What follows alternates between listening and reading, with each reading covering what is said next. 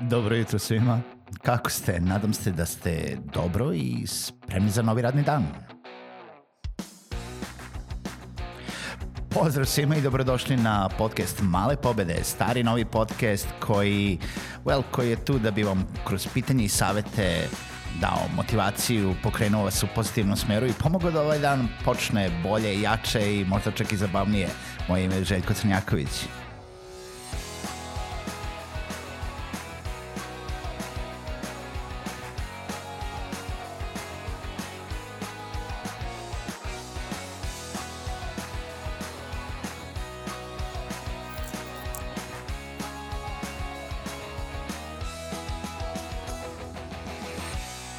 Pozdrav svima, dobro jutro i dobrodošli u još jednu epizodu podcasta Male pobede.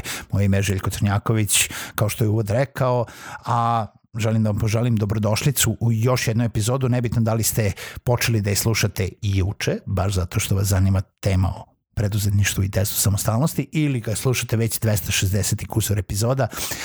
U svakom slučaju dobrodošli. Nemojte zaboraviti da se prijavite na bilo kojoj podcast platformi koju koristite na vašim mobilnim uređajima, da vam male pobede dolaze uh, jel da ubaveštenja svaki radni dan u 8 sati, a pišite mi na malepobede.gmail.com ukoliko imate pitanje, želje, čestitke, EPP i male oglase i naravno neke predloge za teme koje možemo obraditi u nekim uh, u, nekim, u nekom narednom periodu.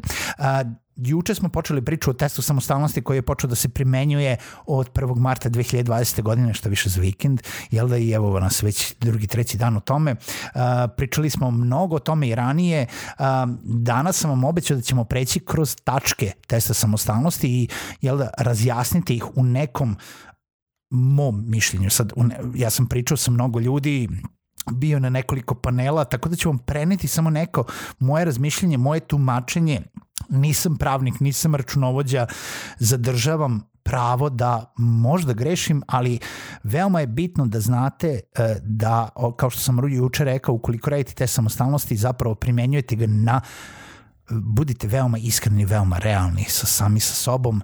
Osoba koja vam dođe u kontrolu neće biti uh, glupa, uh, tako da nemojte da se oslanjate samo na neke izmišljene stavke ili opšte odredbe u nekom ugovoru, nego zapravo uh, budite iskreni i realni sa situacijom. Idemo brzo uh, preko, ima devet tačaka, jel da treba da prođete pet tačaka? Šta znači prođete te samostalnosti? Treba da prođete pet tačaka. Vas četiri tačke ne zanimaju. Samo pet tačaka da prođete. U momentu kada prođete pet tačaka nisu bitne druge stavke, tako da nemojte se uopšte obazirati na to da se neke tačke pali. Neke tačke sigurno padate. Svi mi padamo neke tačke. Ja pričao sam sa gomilom ljudi uh, oko toga i svi su se zakačili za onu tačku koja je možda apsolutno nebitna. Da li, uh, ne znam, uh, imate više od 70% zarade od jednog klijenta I šta ako imate? Većina preduzetnika ima nekog glavnog klijenta. Većina preduzetnika se oslanja na neki posao koji ide u kontinuitetu sa nekim klijentom. Pa šta? Bitne su ostale stavke. Idemo na tačku 1. Tačka, tačka 1 kaže nalogodavac ili povezano lice sa nalogodavcem određuje radno vreme preduzetniku ili preduzetniku paušalcu ili su odmori i odsustva preduzetnika uh, ili paušalca, zavisni od odluke nalogodavca ili povezanog lica sa nalogodavcem e, i ne umanjuje se naknada na uh, srazmerno vremenu provedeno na odmoru. Šta to znači? Da li vam preduzetnik određuje kada treba da radite vaš posao? Ako ste vi konsultantska firma, ako ste vi programer, ako ste vi dizajner, da li vam je klijent naveo morate da radite svaki dan od 4 do 8. Morate da radite na sat. Morate da uradite toliko i toliko sati dnevno u određeno vreme. Morate da budete tamo zato da bi se javljali na telefon ako ste virtualni asistent. Znači, određuje vam se neko radno vreme. Da li ste plaćeni tokom mislim, da li uopšte imate godišnji odmor sa njime, jer ako ste stvarno preduzetnik koji radi svoj posao, mislim, vi ne, vama klijent ne određuje godišnji odmor. Naravno da je to sve ono, da li ću ja raditi sa godišnjeg odmora ili sam otišao na godišnji odmor, mislim, da li klijent meni određuje odakle ću ja da radim. Tako da, da li određuje radno vreme u stavka 1? Ako da, padate, ako ne, ne. A da li vam određuje broj sati, isto kao radno vreme? Znači, to je ono, na neki način vam određuje ovaj, radno vreme. Da, nebitno da li radite sad vi 8 sati, 4 sata, 6 sati u nekom delu dana. Pogotovo ako ne pričamo da pričate za stranog klijenta, pa radite, zapravo radim od 1 do 5 ujutru svaki dan ili tri puta nedeljno. Pa radite, određujem radno vreme. Stavka 2. Preduzetnik ili paušalac uobičajeno koristi prostorije koje obezbedi ili obavlja poslove u, ko, u mestu koje odredi nalogodavac. Da li idete kod nalogodavca u kancelarije da radite? Ili idete na teren negde gde vam je odredio nalogodavac? Ako to radite, nebitno da ste zidar, što, bi, što je bio jedan primjer u, u jednom predavanju, i poslali su vas na teren, da, vas je nalogodavac poslao tamo na teren. Idete u mestu koje je odredio nalogodavac i obavljate poslove tamo. Ako ne, ako obavljate poslove od kuće ili iz kafića ili iz coworking prostora ili nebitno odakle, samo dok je posao obavljen, molim lepo, čao đaci. Nalogodavac ili Treća stavka. Nalogodavac ili povezano lice sa nalogodavcem vrši ili organizuje stručno osposobljavanje i usavršavanje preduzetnika ili paušalca. Jel vam nalogodavac plaća stručno usavršavanje? Jel vas šalje na konferencije, jel vas šalje na edukacije, jeste pokrili troškove, prebili troškove sa nalogodavcem zato da bi se stručno usavršavali? Da li vam kupuje literaturu? Da li vam obezbeđuje neke kurseve? Da li vam je kupio neki online kurs? Ako jeste, padate. Stavka broj 4. Nalogodavac je angažovao preduzetnika ili paušalca nakon oglašavanja u sredstvima informisanja potrebe za angažovanjem fizičkih lica ili angažujući treće lice koje se uobičajeno bavi pronalaženjem lica podobnih za radno angažovanje a čija je usluga rezultirala angažovanjem tog preduzetnika ili paušalca. Da li ste se zaposlili preko oglasa? Da li vas je našao neki headhunter ili HR firma?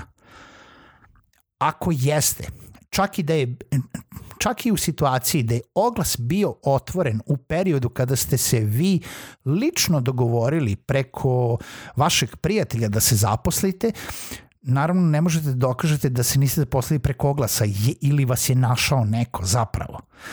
Osim u slučaju da vas nije angažovao preko vaše reklame, preko njegove potrebe da ima određeno nešto. Sad, na primer, e, da vam kažem, recimo, ja radim video produkciju, nije moj klijent imao otvoren oglas da unajmljuje videografa ili animatora ili nešto, nego je moj klijent išao sa namerom da mu treba video, a ne da traži zaposlenoga, je li tako? u tom slučaju, znači, ova stavka je bitna u, jel da, kao takva. Peta stavka, to je peti, peta, peti test, jel da, nalogodavac ili povezano lice sa nalogodavcem obezbeđuje sobstveni osnovni alat, opremu ili druga osnovne materijalna i nematerijalna sredstva potrebna za redovan rad preduzetnika ili paušalca ili finansira njihovu nabavku, osim specijalizovanih alata opreme ili drugih specijalizovanih materijalnih i nematerijalnih sredstava koji mogu biti neophodni u cilju izvršavanja specifičnog posla ili naloga ili nalogodavac i povezano lice sa nalogodavcem uobičajeno rukovodi procesom rada. Sad, ovo su dve zapravo stavke, ali rukovodi procesom rada preduzetnika osim takvog rukovodđenja koje podrazumeva davanje osnovnog naloga i razumnu kontrolu rezultata. Sad, pod stav, onaj prvi deo stavke. Da li vam je nalogodavac kupio računar? Da li vam je obezbedio osnovni alat za rad? Da li vam je obezbedio uh, neki, uh, ne znam, program koji se uobičajeno koristi, da li vam plaća licencu za nešto, da li vam uh, je, ne znam, kupio mikrofon za snimanje podcasta, da li vam je uh, kupio slušalice, da li, znači koji osnovni alat koristite za rad? Ako ste zidar da li vam je uh, kupio čekić uh, ono te, testeru šta je špatla špakla i, i sve ostalo što što koriste Ako nije, kupili ste sami. Osim onih specijalizovanih alata, znači ukoliko ima neki specijalizovani alat koji se koristi samo za obavljanje nekog namenskog posla koji vam je potreban za tog posla, to ne ulazi u ovu stavku. To je ok da vam je kupio nalogodavac i to je izuzeto iz ove stavke. A onaj drugi deo, one tačke jeste da li rukovodi poslom.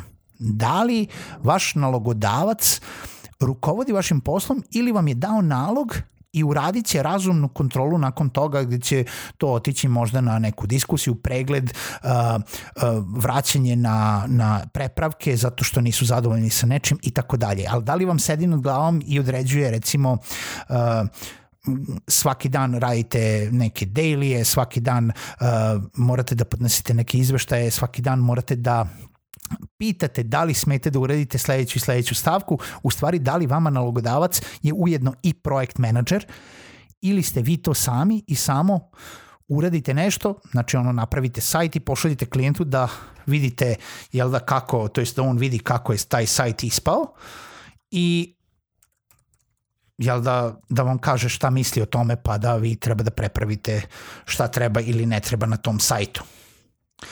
Mi smo sada prešli pet stavki za test samostalnosti.